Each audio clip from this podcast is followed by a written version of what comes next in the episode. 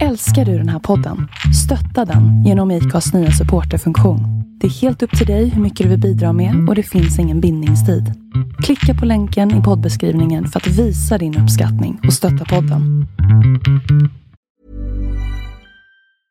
I'm Sandra, and I'm just the professional your small business was looking for. But you didn't hire me because you didn't use LinkedIn jobs. LinkedIn has professionals you can't find anywhere else, including those who aren't actively looking for a new job but might be open to the perfect role, like me. In a given month, over 70% of LinkedIn users don't visit other leading job sites. So if you're not looking on LinkedIn, you'll miss out on great candidates like Sandra. Start hiring professionals like a professional. Post your free job on linkedin.com/achieve slash achieve today. Selling a little or a lot? Shopify helps you do your thing however you cha-ching. Shopify is the global commerce platform that helps you sell at every stage of your business. From the launch your online shop stage to the first real life store stage, all the way to the did we just hit a million orders stage. Shopify is there to help you grow. Shopify helps you turn browsers into buyers with the internet's best converting checkout. 36% better on average compared to other leading commerce platforms because businesses that grow grow with Shopify. Get a $1 per month trial period at shopify.com/work. slash work. shopify.com/work.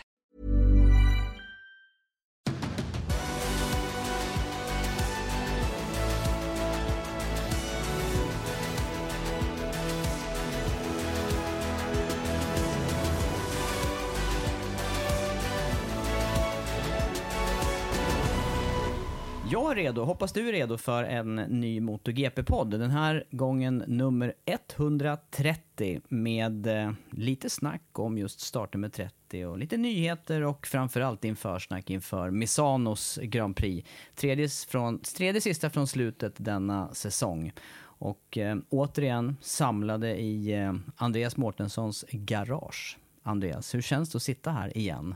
Det känns bra, tycker jag. Emilia Romagnas GP, är det inte så? Jo, det är det. Det är ju det, områ- det, är det området och regionen där, där det nu blir ett andra race för säsongen på kort tid. Vad tycker vi om det då? Ja men du har ju varit inne på det, det här med att köra två racehelger som det inleddes ju förra året där under covid-19 eh, pandemin. Eh, kanske inte lika bra race, de är tätare men eh, ja, alla har haft mer tid på sig på banan. Jag hoppas att det sker någonting annat än förra gången men jag är inte säker. Nej. Hur känner du? Ska man, eh, ska man verkligen säga det? Nej, man ska väl inte det. Nej. Nej, men jag, jag känner mig inte... mm, Jag hade tyckt det var roligare med en annan bana. Jag uttrycker mig så då. Ja. Ja. Jo men det... där Och dessutom när vi har varit, vi var där på plats för en månad sedan och sen har vi dessutom varit i USA, inte vi har inte varit men serien har varit i USA och sen tillbaka nu. Det känns konstigt på något sätt. Ja, det gör det. Vi får se hur mästerskapet och hur förarna matchar det här. En klar fördel får man ju ändå säga att det är för hemmaförarna och det var ju eh, seger senast av Francesco Bagnaia till exempel. Och det har ju gänget runt Valentino Rossi som tränar mycket på banan och det, det, det borde vara en fördel för det gänget, tänker jag. Mm. Vi får se. Ja. Du, eh, ganska sen inspelning det här. Nu är det eh, torsdag eftermiddag och eh, du har ju faktiskt hunnit vara med i en podd redan den här veckan. Lite oväntat. Sporthuset-podden, eller Ja. hur? ja, exakt. Med eh, Tommy Åström och sen är det även Lasse Granqvist och Jens Fjällström som ligger bakom det. Men det var du och Tommy som sågs här i veckan och kärleksbombade eller snackade Valentino Rossi. Ja, exakt. De har en pro programpunkt i den där podden som kallas just för kärleksbombning och ehm, då hörde jag av mig till honom för ehm, några år sedan faktiskt och sa att nu är det väl dags att ni eh, lägger ner någon motorlapp där och varför inte Rossi då? Jag trodde nästan att det skulle bli hans sista säsong. Jag tänkte det passar ju bra då att hylla Rossi under hans sista säsong men Sen tog det två år och det, nu passar det jättebra i och med att det är hans sista. Så att, eh, vi pratar lite Rossi helt enkelt. Mm, det är knappt man tror att det är en slump när, när han drar den här lappen precis den här veckan. Då. Undrar, undrar vilka som var med på dragningen. Ja, jag, jag tror att det var en slump, för jag tror inte han hade koll på att det var Rossis sista hemmarace som kommer här. Nej. Nej, men det ska bli spännande att se och eh, det är helt klart så med Rossi. Vi får, vi får ägna lite en del av vår podd åt det. Absolut. Podden, den måste ni också lyssna på. Ja. Sporthuset eh, podcast. Mm. Eller Sporthuset tror jag man säger, det är bara att söka. Eh, jo, vi kommer ägna en liten tid, eh, en liten programpunkt åt Rossi här senare också då, för att det blir ju också hans sista hemmarace, eller sista race på hemmamark. Ja. Ja, du, vi behöver köra igång det här, eh, de här programpunkterna och eh, startnummer 30 först och främst. Taka Aki Nakagami är det som jag fan, faller in på. Jag också. Eh, det är den som dyker upp eh, direkt när jag tänker på nummer 30. Det är ett rätt intressant namn. Det är mycket A i det här namnet. Jag gillar att och jag gillar lite ordlekar och sånt där. Med, och mina ungar tycker det är ett extremt roligt namn att säga. Taka Aki. Ja. Nakagami. Ja. Vad har du för eh, bild av den här föraren, Andreas? Jag har bilden av en förare som eh, tog stora steg i slutet av sin Moto 2-karriär. Och som jag hoppades skulle kunna bli riktigt vass i MotoGP. Men som inte riktigt har blivit det. Den bilden har jag. Mm. Lite besviken på hans totala karriär i MotoGP. Ehm, det, det såg jättebra ut under förra året tycker jag. Ehm, speciellt då i slutet på året och framförallt kanske i Aragon. Ehm, andra racet där när han stod i pole position och, och hade chans att vinna det racet. Och då, då trodde jag att, lite till den här säsongen att nu kommer han ta ett steg här. Marcus kommer tillbaka, de kommer, kommer kunna dela information eh, och att Nakagami kan ta nästa steg. Men han är lite för ojämn. Det är i vissa träningar då är han med, någon warm-up kan han toppa, men sen på racet, ja, men då är det 10, 12, 7, 8 och aldrig riktigt med i toppen. Nej, jag håller med dig där. Och sen rent personlighetsmässigt där, för just honom har jag stött på ett antal gånger sådär slumpmässigt i depån och alltid supertrevlig, har tid att säga någonting när man passerar eller svara på korta frågor bara i för, förbifarten. Och ibland undrar jag om den här eh, trevligheten också gör att han inte tar det här sista steget. Att det skulle kunna, han skulle kanske behöva ha lite vassare armbågar ute på banan. Och vi såg ju också den här grejen som du var inne på, på Aragon med eh, start i pole position. Där kunde han ju verkligen inte klara av pressen som det innebar för honom. Nej, det kunde han verkligen inte. Han, han gjorde jättebra träningar, allting såg hur bra ut som helst för hans del. Han hade jättebra fart, eh, men sen gjorde han ju en hyfsat bra start. Men, men från första svängen till femte där han kraschade var det ju katastrof. Han missade ju spåret i vända sväng, så att han var ju alldeles, alldeles för nervös. Det syntes ju på honom att det där det där var inte bra, helt Nej. enkelt. Men, men jag trodde ändå att ja, han har ändå varit med där och man trodde att det skulle gå framåt. Och sen blir han fyra då i racet efter, kraschar i, i andra racet efter det och sen femma i Portugal. Men sen har han inte riktigt nått upp till den. Han har någon fjärde plats och femte plats i år, men det är inte mer än så. Och han har kontrakt med Honda, men han kör med eh, LCR-teamet, eh, Lucio Cecinello. Det är ett satellitteam, men, men materialmässigt så har väl han tillgång till det allra bästa och senaste. Han, han, om har ju vill. kört äldre material innan, men till den här säsongen så har han ju eh, senaste materialet. Men vi ska också komma ihåg, Honda är ingen lätt cykel om man inte heter Mark Marquez. Det har vi ju sett många bevis på genom åren. Ehm, och förra året då, då sades det ju att i och med att Marcus var skadad, då la de mycket fokus, HRC la mycket fokus på just LCR och på Nakagami. De ville ha upp honom, göra ett sista ryck så att säga för att få upp honom. Eh, vilket då kanske då gav resultat under förra året, men nu när Marcus är tillbaka då, att, att det ska ha gjort så mycket, jag vet inte. Svårkörd cykel också, det är inte säkert att det passar honom 100% heller, så att, eh, mm.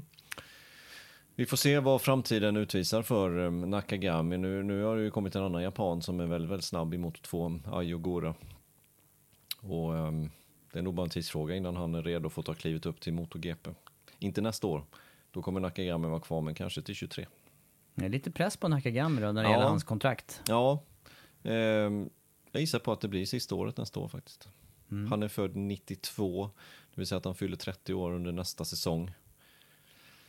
Om, det inte är, om man inte gör en klockren inledning på nästa år, då, mm, då får vi nog se vad som händer. Ja, det ska bli intressant att se hur eh, Nakagami tacklar nästa säsong då med eh, kanske lite mer kniven på strupen om han eh, axlar eh, det ansvaret och den pressen som det innebär eller om han eh, sakta sorterar ut sig från. Det är svårt när man har varit uppe i MotoGP-klassen som förare att eh, ha någon väg vidare. Då gäller det antingen att acceptera, vad, vad finns det för alternativ som står till buds?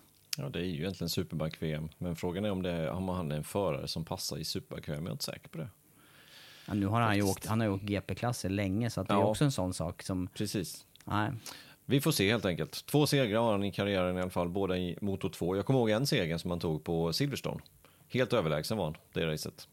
Eh, Och då någonstans trodde jag att nu lossnade ordentligt här. Och jag tror att det var sista säsongen innan han tog klivet upp till MotoGP 2017, det var det. Eh, och sen så då från 2018, så han har kört fyra säsonger nu då i, i MotoGP-klassen. Takaki Nakagami alltså, startnummer 30. Vi släpper honom och eh, tittar vidare framåt till 31. 31, till startnummer 31. Vem är 31? Du ställer såna här snabba, oförberedda frågor. Jag vet. Ja, nej, in, ingen som poppar upp direkt. Är det MotoGP vi pratar? Nej, en säsong tror jag. En säsong i MotoGP. Och eh, nej, men man förknippar honom främst med 250. 90-tal. Är det också Japan? Ja, Ja, då börjar det, då börjar det ta form någon här. Capirossi. ja, exakt. Nästa ledtråd.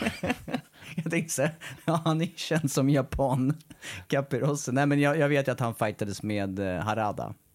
Det blir då, nästa vecka. Ja, och då hade ju Aprilia någon, eh, visst var det Aprilia på båda dem? i Ja, visst. 250? Ja, och Capirossi fick spark. Men det tar vi nästa Ja, vecka. vi gör det. Vi måste spara lite 31. grann. Men vi kommer Mm. prata om Harada, så mycket kan vi avslöja.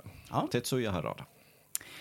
Du, lite nyhetssvep eh, inför den här racehelgen, Andreas. Och eh, den senaste och en ganska stor nyhet, en ganska stor pusselbit. Det handlar om eh, förarkarusellen i Yamaha. Och det har gått fram och tillbaka och sen fram igen och sen tillbaka igen. Men första gången vi nämnde det i den här podden, det är ganska länge sedan nu. Men idag är det klart. Bara för en halvtimme sedan så såg jag pressreleasen. Klockan är alltså 15.30 nu, torsdag den 21 oktober. Och racehelgen i Misano har ju börjat. Eh, presskonferens om en och en halv timme med andra ord. Men Darren Binder är nu officiellt klar för satellitteamet för Yamaha. Och det här lät ju helt rimligt när du nämnde det tidigt. Eh, men eh, därefter tycker jag pendeln har slagit över lite grann och bort ifrån Binder och kanske mer mot eh, Toprak Raskatlioglu i Även fast det har fullständigt dementerats från första början faktiskt. Så, så har man ju ändå haft det här att, eh, att Raskatlioglu borde kunna fortfarande vara aktuell. Med tanke på de resultaten som han ändå gör och leder mästerskapet i Superkväm nu. är 30 poäng men en racer kvar. Och då är det alltså 62 poäng att köra om. Visst är det så? 25 plus 25 plus 12 i Superpole-racet. Ja. Så det är inte avgjort, men han har ju ett bra försprång helt enkelt mot eh, Jonathan Rea där. Och då trodde man ju kanske att han borde vara, kunna, kunna vara aktuell, men tydligen inte. Vad tror du väger över, eller rättare sagt vad ligger eh, bakom beslutet att signa Binder i det här läget? För det blir ju ett oskrivet kort och det är ju väldigt sällan som vi har sett förare ta det här steget direkt från Moto 3 nu till MotoGP. Ja, senast var ju Jack Miller och det är ju 6-7 år sedan. Eh, nej, men jag tror att först och främst så tror jag att det är lite ont om förare i Moto 2 som Yamaha är beredda att signa. Eh, och eh, då kan jag tänka mig att de väljer att se ner ett, ett steg. De väljer att se ner i sitt eget sin egen organisation där de binder kör ju i Petronas-teamet även fast Moto 2 och Moto 3 kommer att läggas ner då till nästkommande säsong. De har sett vad han går för. Ehm, det har vi andra gjort också på tv. Det är en helt annan sak att se det på tv som att se all data, alltid hans inställning, hans mentalitet och så vidare. De har nog helt enkelt sett någonting, eller vad jag har hört så är det Johan Stigefelt som ligger mycket bakom den här värvningen också, precis som med Fabio Quattararo. Att de, de har sett någonting hos honom, tror på honom, sålt in det till Yamaha. Yamaha har också sett samma sak, uppenbarligen. Och nu har han då signat. Men jag tror att det främsta skälet är att det är lite brist på supertalanger i Moto 2. Som inte redan är uppbokade nu. Och, Och, som är beredda att ta steget också. För Nej, det, det, det är inte säkert. Som vi pratade om Ayogura.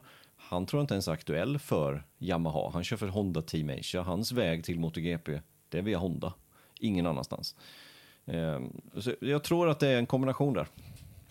Och eh, då är frågan om, nu har man ju också skrivit med Andrea Dovizioso. Det här är ju verkligen ytterligheterna i olika ändar utav Verkligen. skalan. Och eh, då, hur, hur lång inlärningstid kan man förvänta sig då på en förare som kommer från Moto 3-klassen egentligen? Ja, Jag menar, du, du, Ja, nämner, du nämner ju Jack Miller här och han har ju vunnit race. Han har vunnit ett par race i år. han gjorde väl det sin andra säsong. Ja, det gjorde han dessutom. Men han har ju inte heller, han har inte uppnått den här höga jämnheten. På, Jag, tror, jag tror att det kommer gå lättare för Darren Binder än vad det gjorde för eh, Jack Miller. För Jack Miller satt på... Vi satt han på bra material första året, men sen så petades han ner och så fick han köra den där RCV1000 VS eller vad de kallar det. produktions... Produktionsfabriksräsen, eller Ja. vad man nu ska kalla det. Som de hade där ett tag i det reglementet.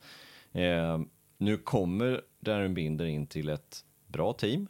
Han kommer på en jättebra motorcykel direkt. Han kommer sitta på Quattararo cykel som han sitter på idag. Det är ingen dålig motorcykel. Ehm, och Yamaha vet vi är lättkörd. Det är kanske mest lättkörda motorcykeln i hela startfältet. Så att jag tror att det kommer gå eh, bra för Darren Binder. Det tror jag. Han kommer absolut inte göra bort sig. Eh, kommer han vinna något race nästa år? Nej, det tror jag inte. Kommer han komma på pallen? Det tror jag inte heller. Topp 5-resultat någon gång, kanske. Men jag tror att topp 10 där kommer vi hitta honom. Och då är det bra tycker jag. Han har ju lyfts av sin bror, Brad Binder. visst. Eh, och de måste ju känna varandra vid det här laget. Jag menar, de, de gör mycket tillsammans, tränar mycket tillsammans och så. Och ja, det, det, finns, det finns kanske kvaliteter och talanger som, som inte vi fullt ut har sett utifrån, som sagt. Om inte KTM tar, tar ett kliv framåt till nästa år, för det känns som att de låg långt fram, har gått tillbaka lite och där befinner de sig just nu. Befinner de sig på den nivån de är nu, nästa år, då kommer Brad Binder få se upp med Darren Binder. Det är jag rätt övertygad om, faktiskt. Men om Ja. KTM kan ta ett kliv så är Brad Binder givetvis en bättre förare just nu. Intressant i alla fall då. Då börjar ju pusselbitarna falla på plats här i eh, Yamaha-teamet och även i hela eh, startuppställningen inför nästa säsong. Du, eh, den här helgen som närmar sig nu då med eh, andra racet på Misano World Circuit, Marco Simoncelli. Det blir alltså Valentino Rossis eh, sista framträdande på hemmaplan och eh, Eh, när jag eh, lyssnade lite grann på, på podden, Sporthuset-podden eh, och hörde de här eh, åskådarljuden och de här italienska kommentatorerna. Det var lite, det, det var lite känslosamt faktiskt för min del. Ja, nu kommer de släppa in lite mer publik den här helgen, 35 000 eh, mot eh, 25 eller 23-25 000, något liknande var det ju när vi var där för en månad sedan. Nu släpper de in 10 000 till per dag, så 35 000. Så att, eh, får hoppas att de kan göra en bra stämning nu när det är Rossis eh, sista race, alltså på hemmaplan. Eh, Hiring for your small business? If you're not looking for professionals on LinkedIn, you're looking in the wrong place. That's like looking for your car keys in a fish tank. LinkedIn helps you hire professionals you can't find anywhere else, even those who aren't actively searching for a new job but might be open to the perfect role. In a given month, over 70% of LinkedIn users don't even visit other leading job sites. So start looking in the right place. With LinkedIn, you can hire professionals like a professional. Post your free job on linkedin.com slash achieve today. Hey, it's Danny Pellegrino from Everything Iconic. Ready to upgrade your style game without blowing your budget? Check out Quince. They've got all the good stuff shirts and polos, activewear, and fine leather goods, all at 50 to 80% less than other high end brands. And the best part? They're all about safe, ethical, and responsible manufacturing. Get that luxury vibe without the luxury price tag. Hit up quince.com slash upgrade for free shipping and 365 day returns on your next order. That's quince.com slash upgrade. Hey there, it's Michelle Norris. I'm host of a podcast called Your Mama's Kitchen. When I travel, I'm usually looking for a way to find a taste of home when I'm not at home. And one of the things I love to do when I am at home is entertain. And Airbnb allows me to do that. When I was in California recently, I rented a house that had a great kitchen. And when we were sitting around the table, we're all thinking, we're in someone else's house. Someone could be in all of our homes as well. If you have a home, but you're not always at home, you have an Airbnb. Your home might be worth more than you think. Find out how much at airbnb.com/slash host.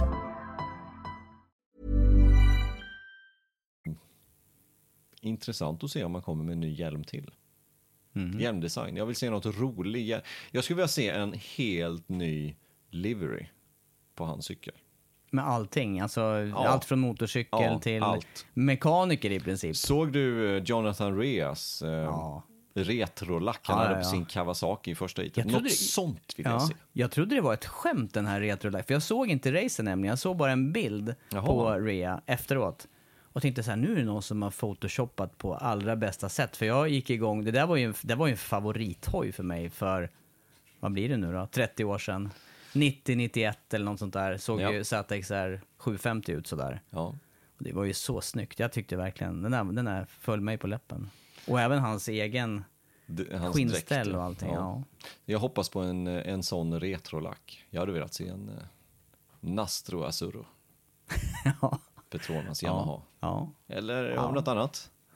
Nej, jag vet Han inte hade ju någon sån är. där... det- det- Han hade ju det här han- psykedeliska mönstret hade han ju någon. Det var ju inte snyggt, men det var ju, det var ju, det var ju Annorlunda. annorlunda. Ja.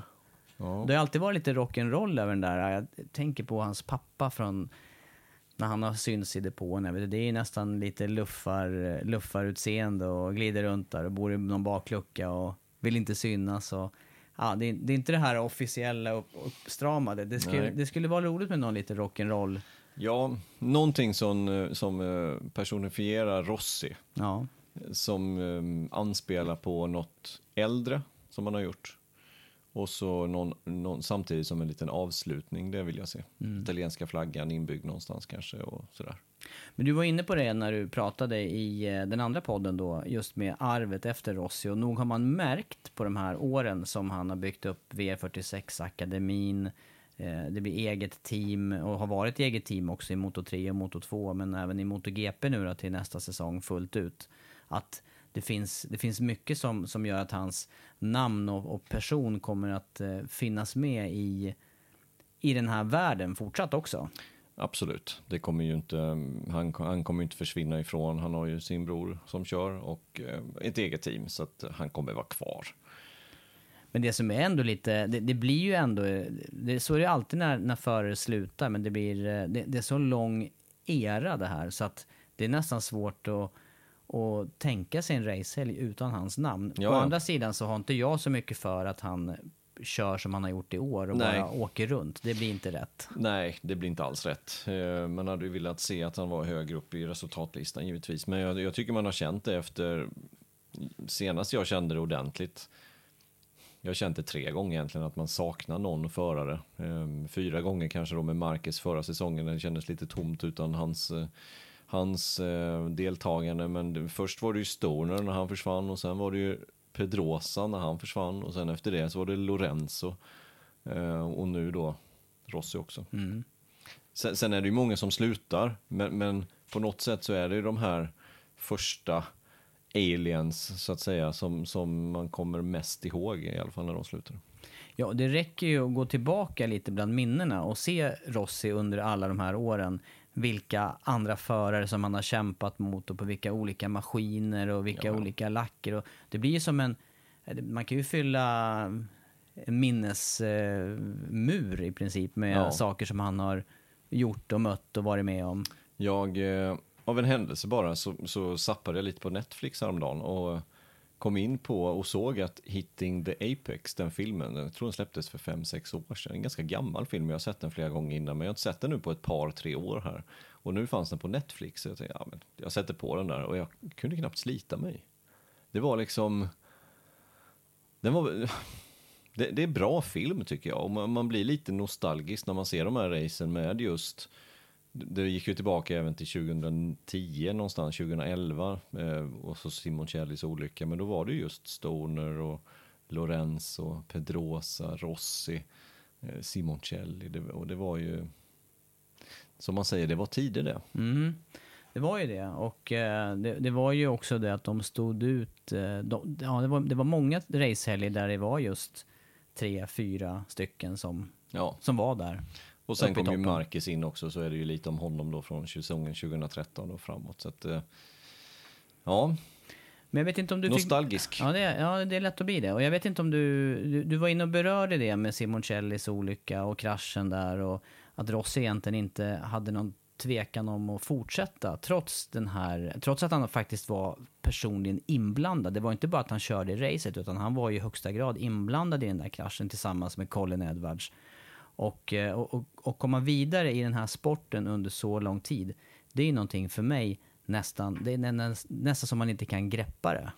Men det har vi ju pratat om, att hans motivation till att köra, den, den är någonting helt annat mot en vanlig förare, inklusive mig själv också, att, att min motivation var att vinna hela tiden och när man inte var med där då, då var det svårt liksom. Och sen, sen får man lite andra tankar medan man blir äldre. Men han verkar inte ha fått det, för han tycker att det här är så vansinnigt roligt och, och det måste man ju på något sätt hedra. Att han har den passionen för sporten. Mm.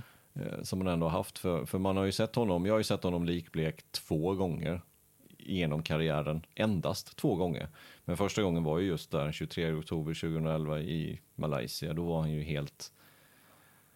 Ja, de bilderna vill man ju knappt se på honom faktiskt när man ser honom sitta i depåboxen, titta upp mot skärmen och, och se vad som precis har hänt och när han vet eh, Ja, han såg ju också precis vad som hände givetvis, han var involverad. Eh, men sen även förra året i Österrike då var han också helt likblek när han såg hur nära den där hojen från Morbidelli var, för han hade ju inte ens uppfattat den cykeln i sadeln. För den gick ju förbi honom i över 200 km timmen. Han såg ju bara Sarko sa ju flyga över Vinales. Sen att Morbidelli sa ju var millimeter från att träffa honom. Då var han också likblek efter det. Och då trodde man ju också redan efter första gången i Malaysia att nu, nu, nu är det ju slut, nu kommer han inte köra mer. Det finns ingen mening. Han körde Ducati, var inne i en väldigt dålig trend just då också kom tillbaka, vann race, var nära på att vinna mästerskapet då några år senare. Och han kör vidare fortfarande även fast den här Österrike-olyckan också. Så att, ja, imponerande. Mm, mycket.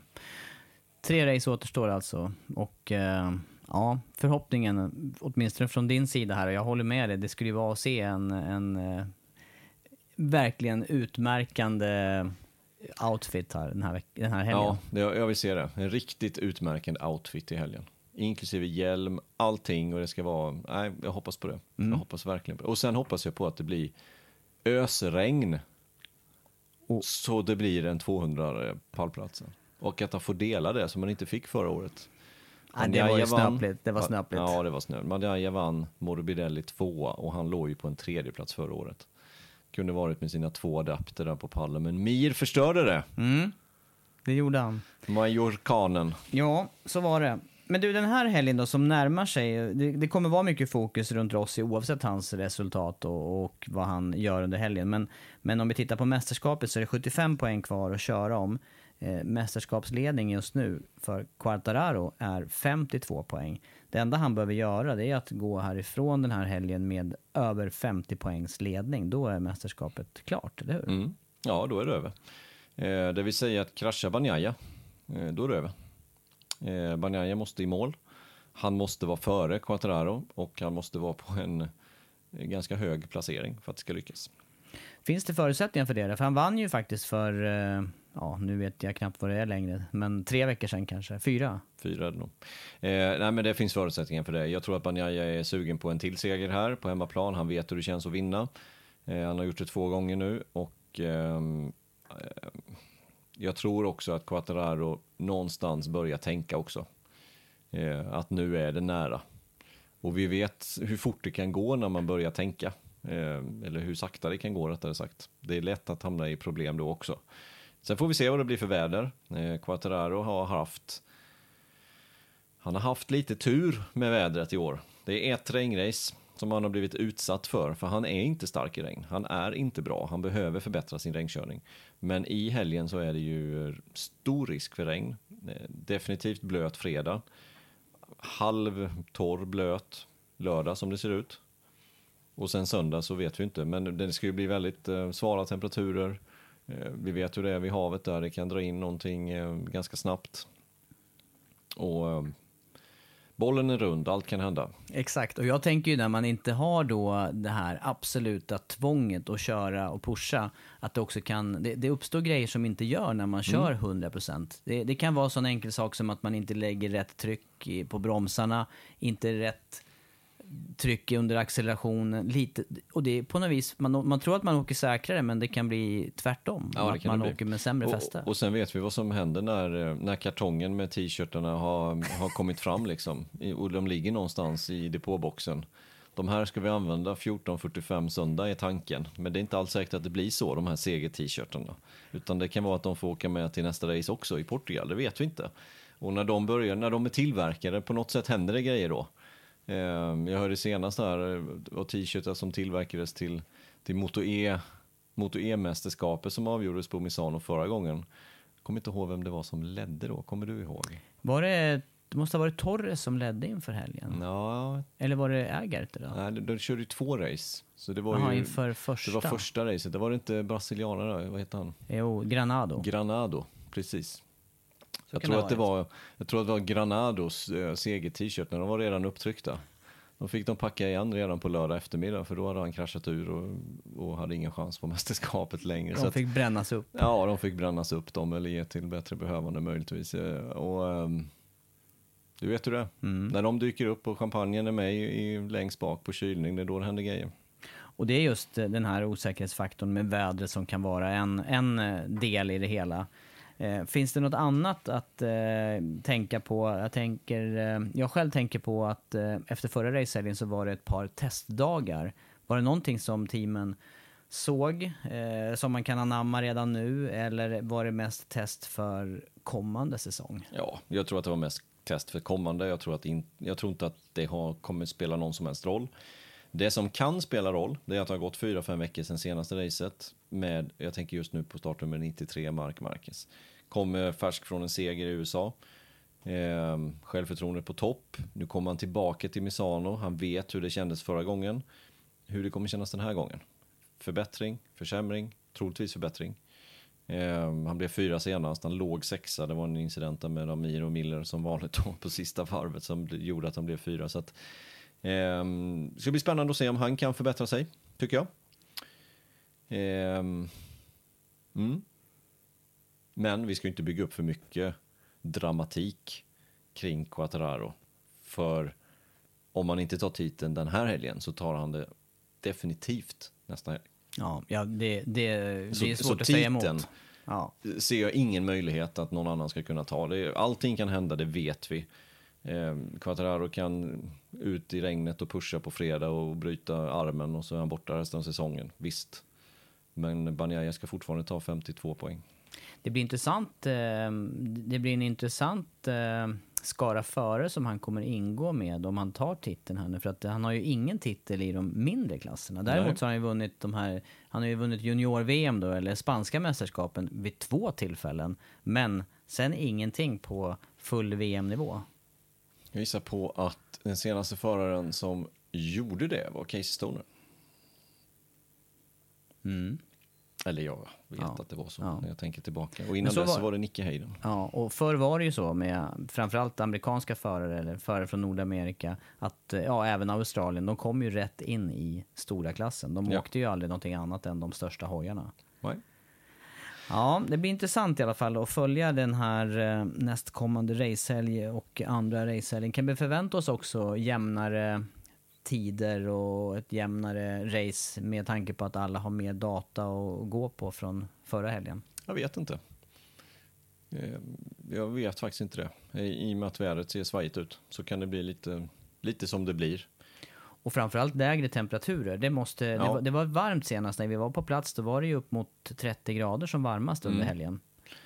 Det Kanske kommer också hälften. påverka. Kanske Kom- bara hälften. Ja, det kommer också påverka. Eh, Det kommer det göra. Så att, ja, men jag ser fram emot en spännande helg, även fast vi är kanske lite trötta på just World Circuit, Misano, World Circuit, Marco Simoncelli.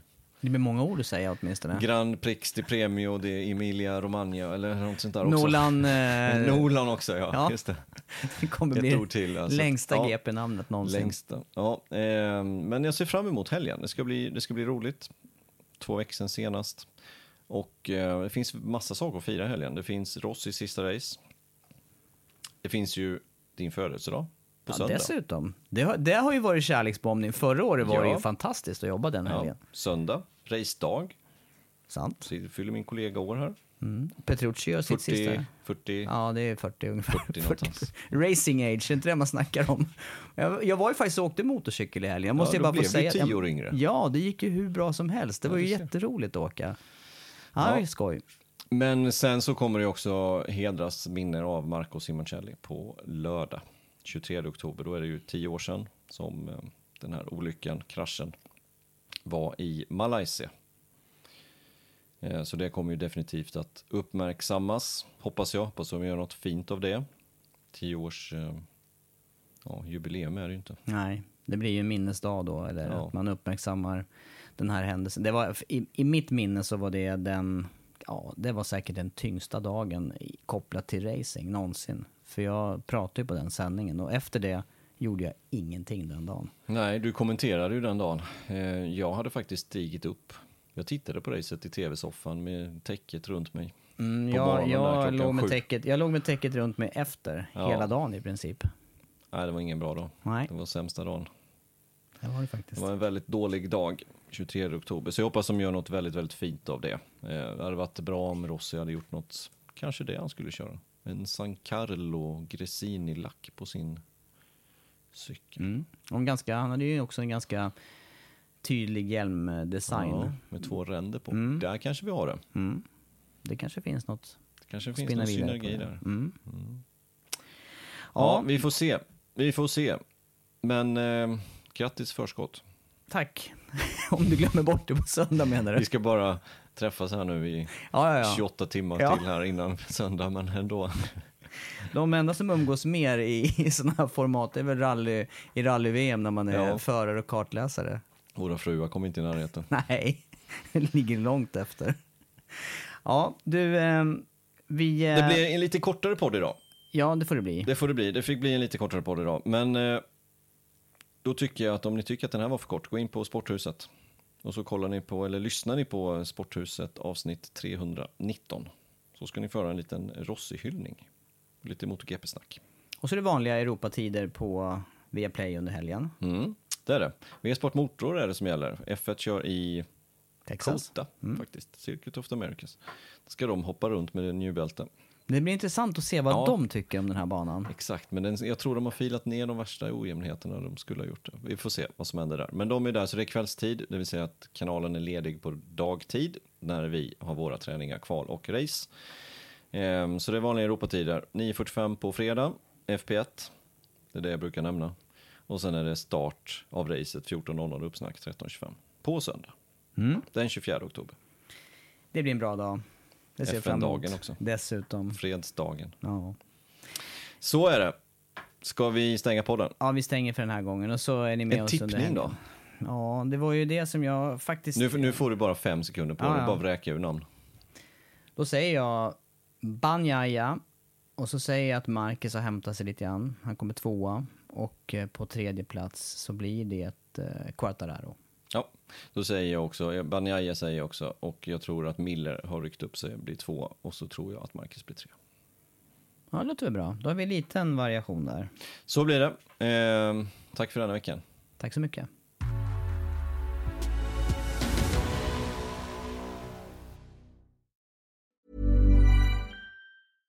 Ever catch yourself eating the same flavorless dinner three days in a row? Dreaming of something better? Well, HelloFresh is your guilt-free dream come true, baby. It's me, Kiki Palmer. Let's wake up those taste buds with hot, juicy pecan-crusted chicken or garlic butter shrimp scampi. Mm. Hello Fresh. Stop dreaming of all the delicious possibilities and dig in at HelloFresh.com. Let's get this dinner party started.